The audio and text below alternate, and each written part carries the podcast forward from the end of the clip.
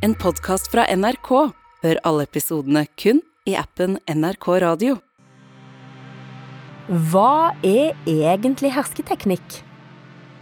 Jeg er på God morgen Norge og snakker om et eh, tema jeg brenner for. Dette er Sofie Frøyså, samfunnsdebattant og standup-komiker.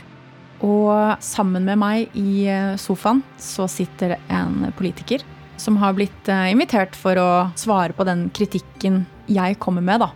Og jeg deler en eh, personlig og vond historie. Og jeg opplever at vi har en ganske fin prat. Tar temaet på alvor og sier at eh, hen skal ta tak i det. Men etter Etter samtalen, når vi kommer ut på backstage, så stopper vedkommende og ser på meg og måler meg liksom opp og ned med blikket. Og så sier vedkommende Du må ikke glemme å være morsom òg, da. Det Sofie opplever her, er latterliggjøring. En typisk hersketeknikk. Og nå vil jeg fortelle deg hvordan du bør reagere når du utsettes for det. Mitt navn er Hilde Sandvik. Jeg er journalist og forfatter, og jeg mener hersketeknikker burde vært pensum.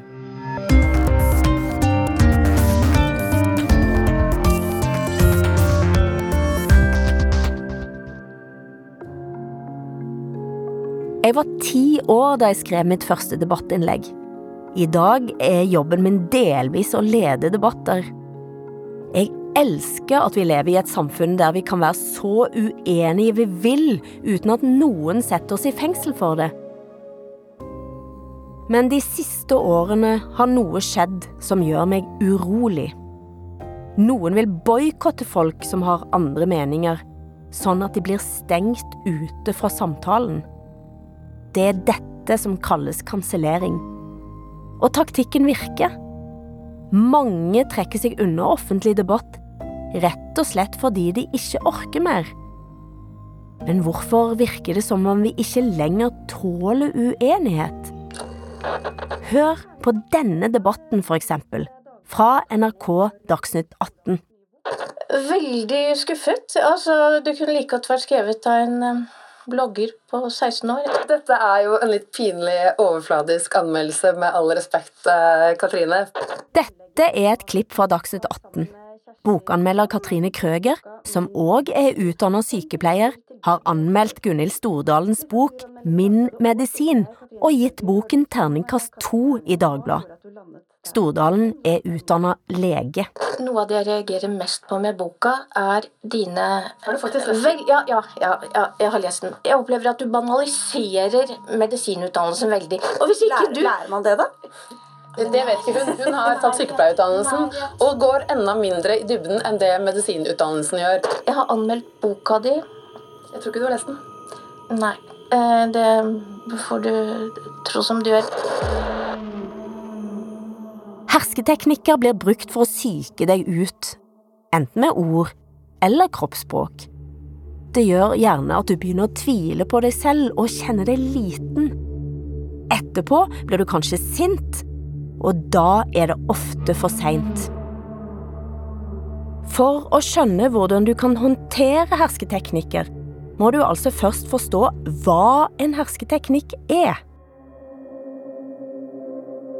Du har garantert blitt utsatt for hersketeknikker selv.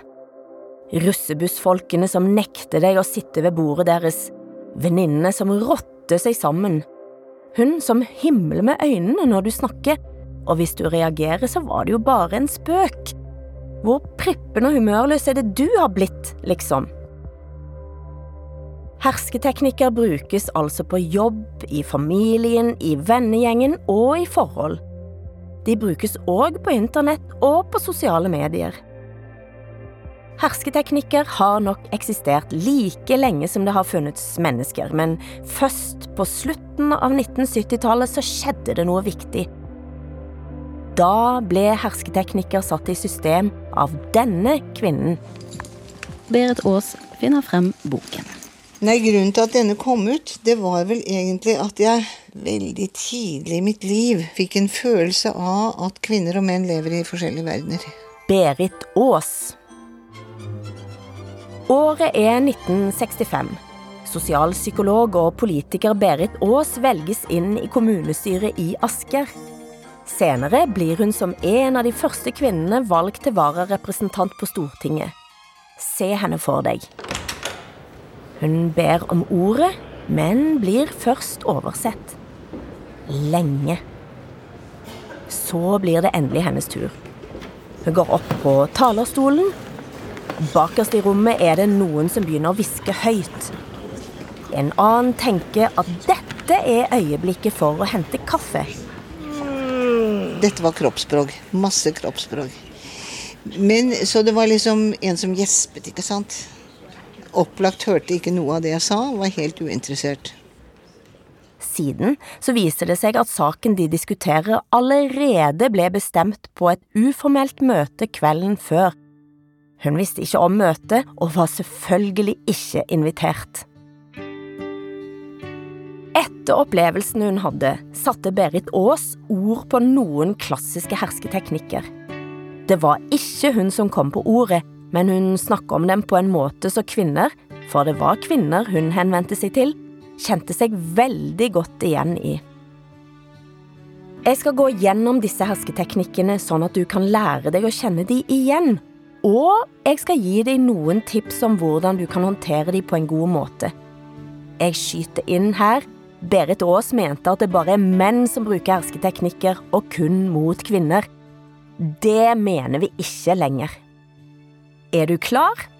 Her kommer hersketeknikk nummer én. There is no room for employers who do not secure the freedom and safety of World Cup workers. No room for leaders that cannot host the women's game. No room for hosts that cannot legally guarantee the safety and respect of LGBTQ plus people coming to this theater of dreams.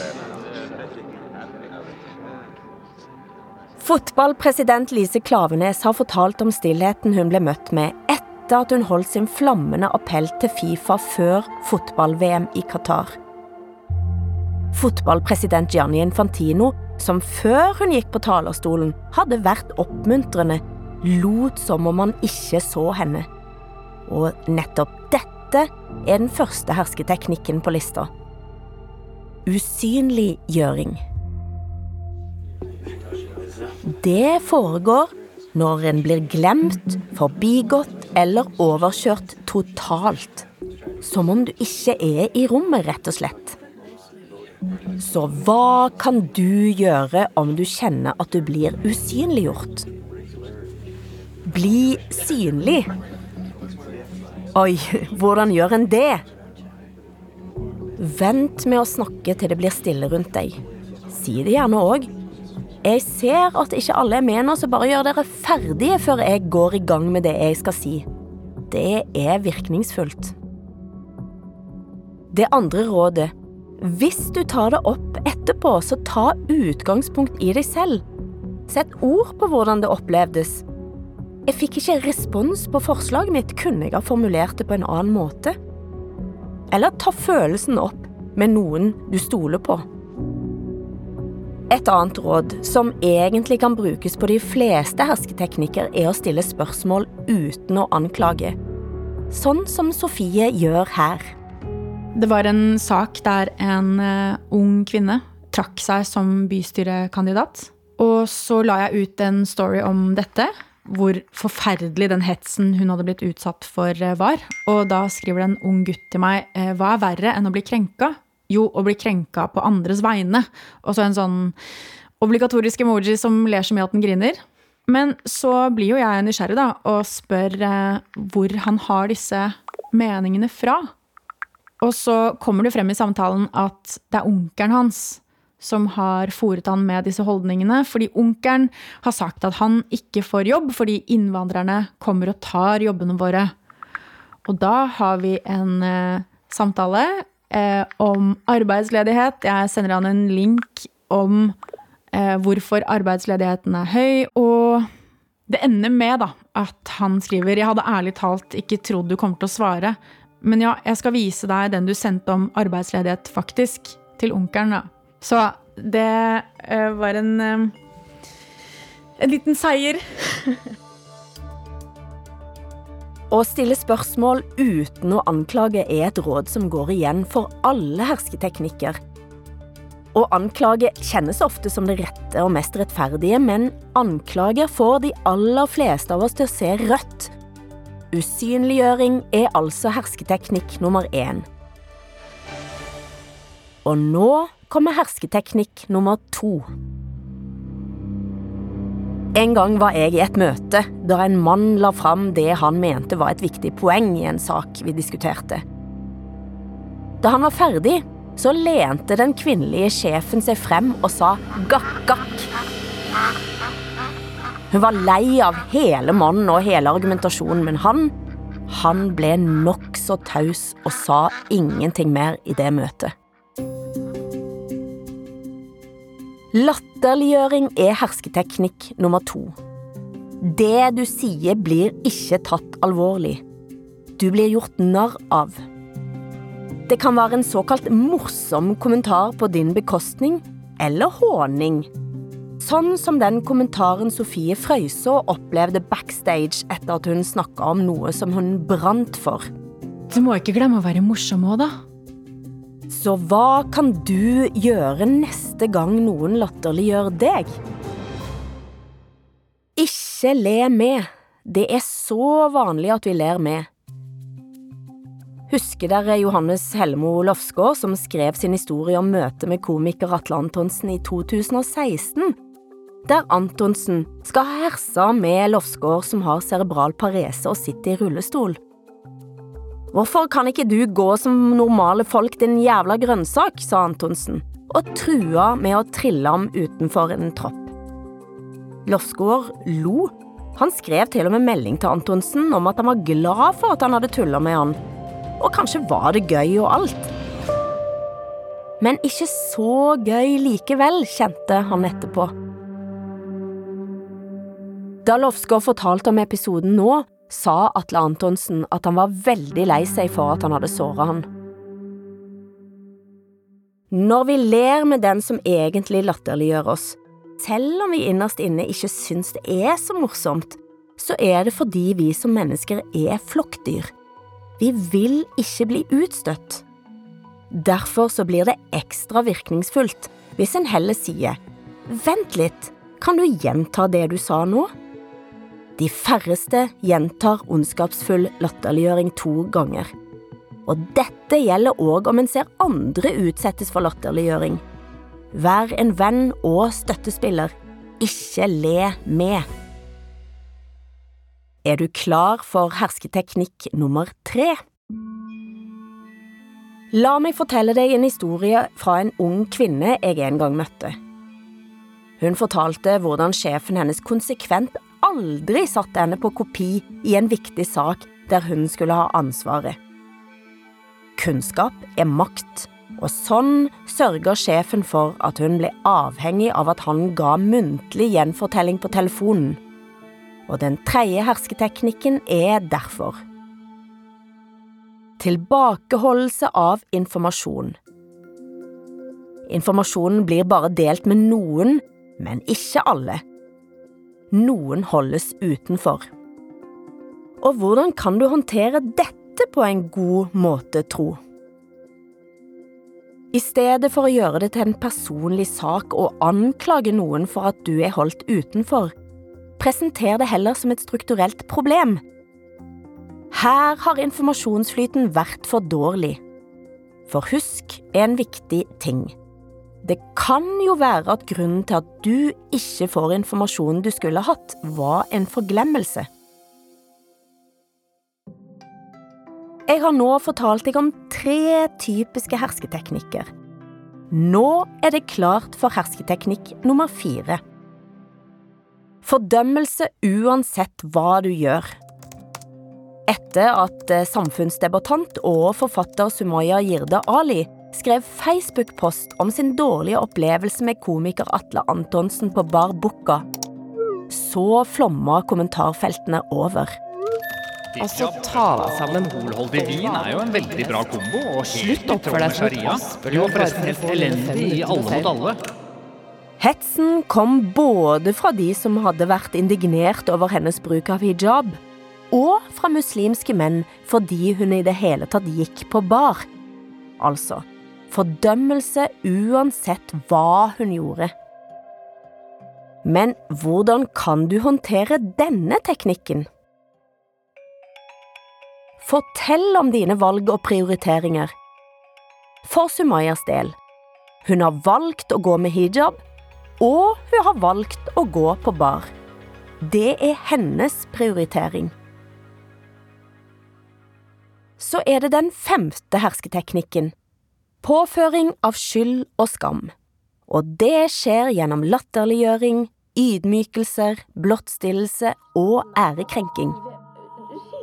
Husker du debatten vi innleder med mellom lege og forfatter Gunhild Stordalen og bokanmelder Katrine Krøger? Det vet ikke hun. Hun har tatt sykepleierutdannelsen og går enda mindre i dybden.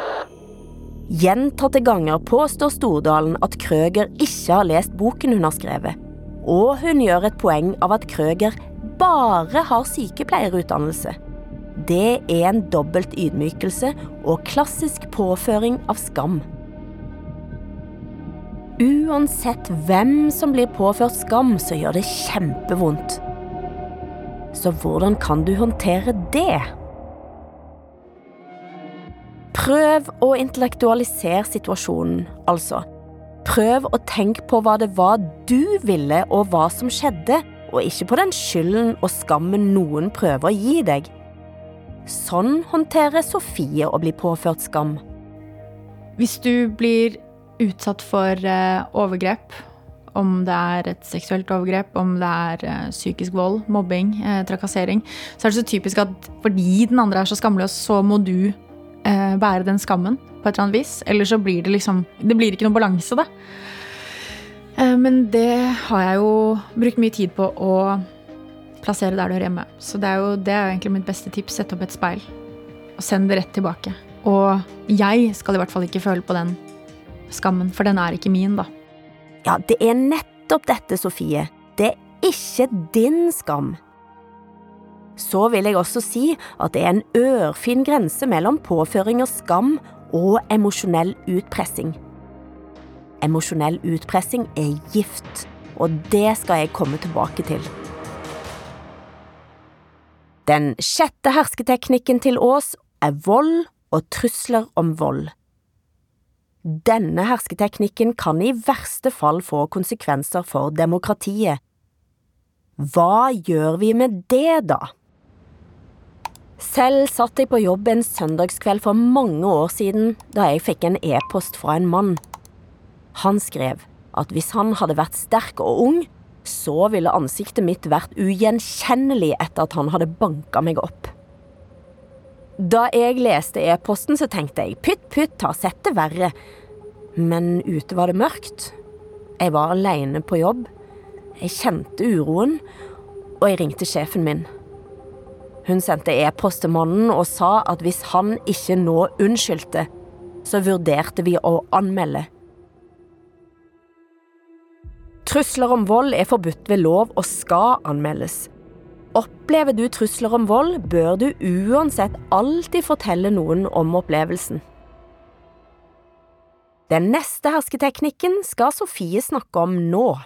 Ja, jeg fikk en melding hvor det står hm, jeg så en deilig dame på TV-en i kveld, i Alle mot alle. Men vi får jo ikke se hele deg når du sitter inni den boksen. Altså, I Alle mot alle så sitter man jo da i et lite sånn bur, eh, hvor kun overkroppen syns, da.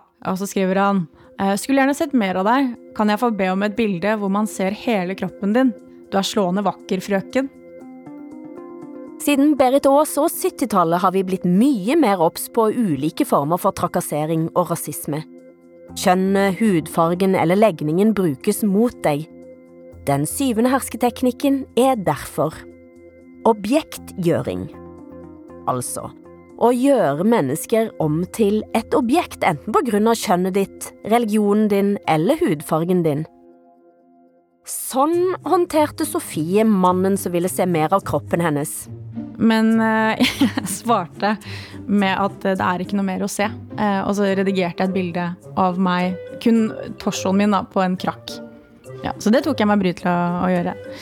Uh, ja, visuelt fint. Jeg vet ikke om det gjør seg på radio, men uh, ja. Sofie svarer med humor, og det er avvæpnende. Men det greier vi jo ikke alltid.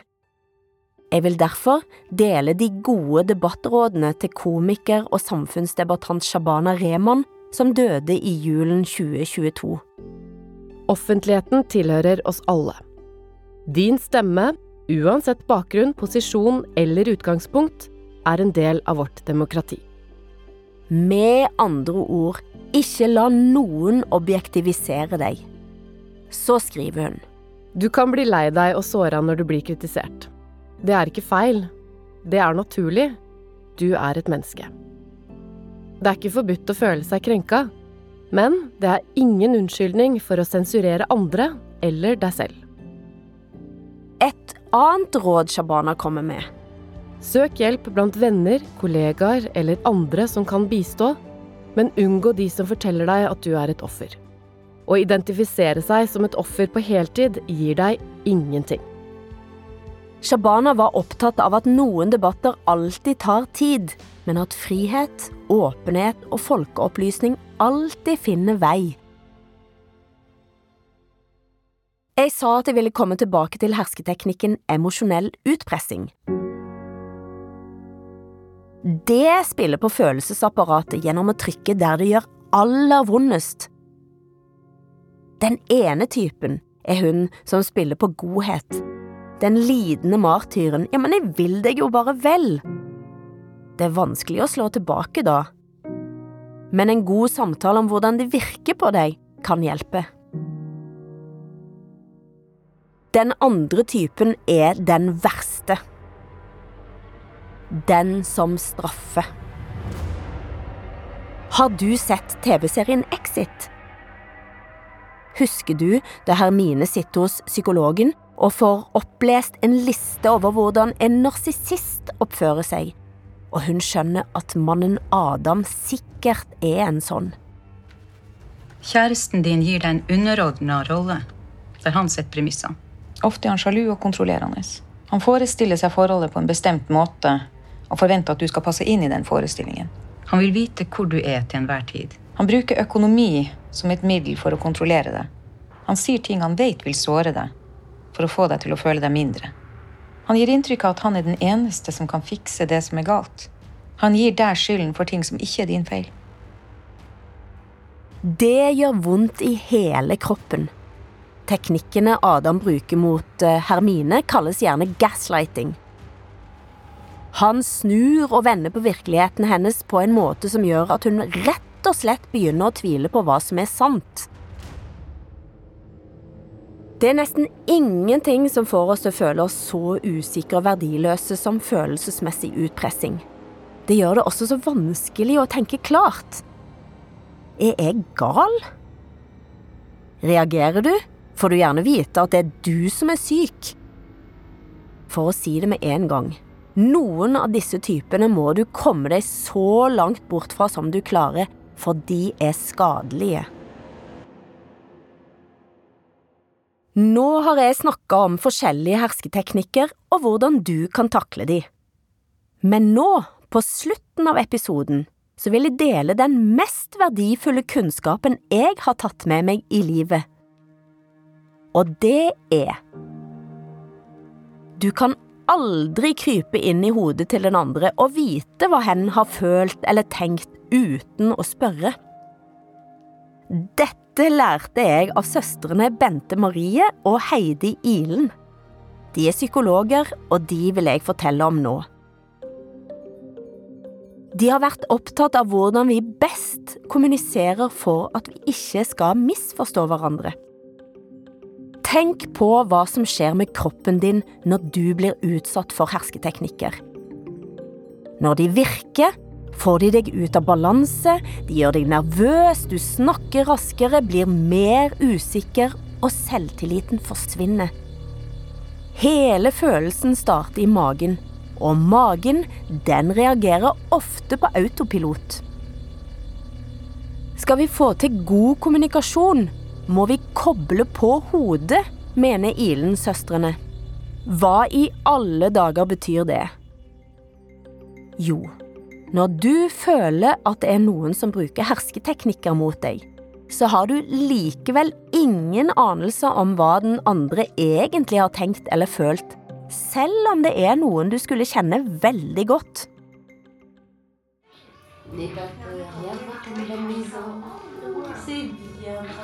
Vi sitter på en måte og ser på hver vår film i hver vår kinosal inne i vårt eget hode.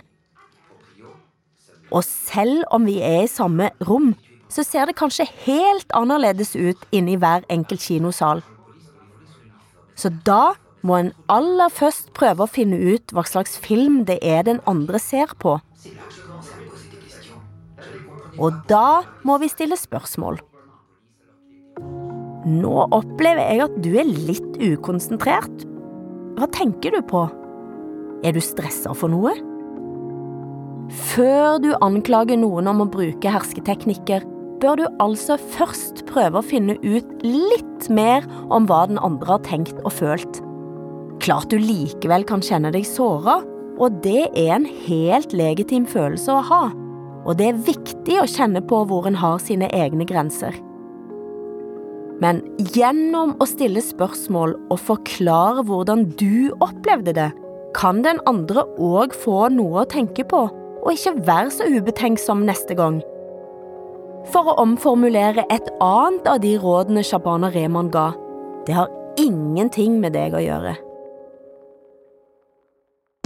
Jeg heter Hilde Sandvik, er journalist og forfatter, og jeg vil du skal huske disse tre tingene fra denne episoden.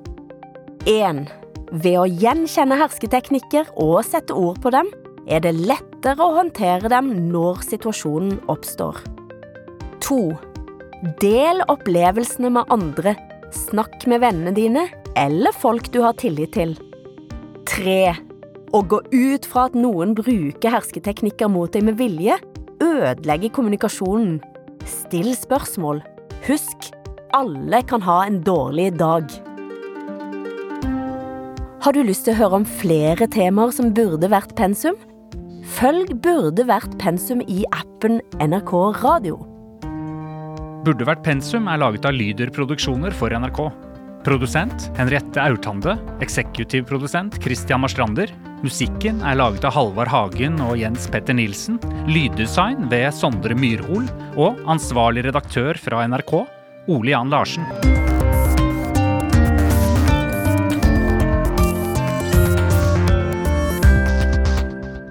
Du har hørt en podkast fra NRK.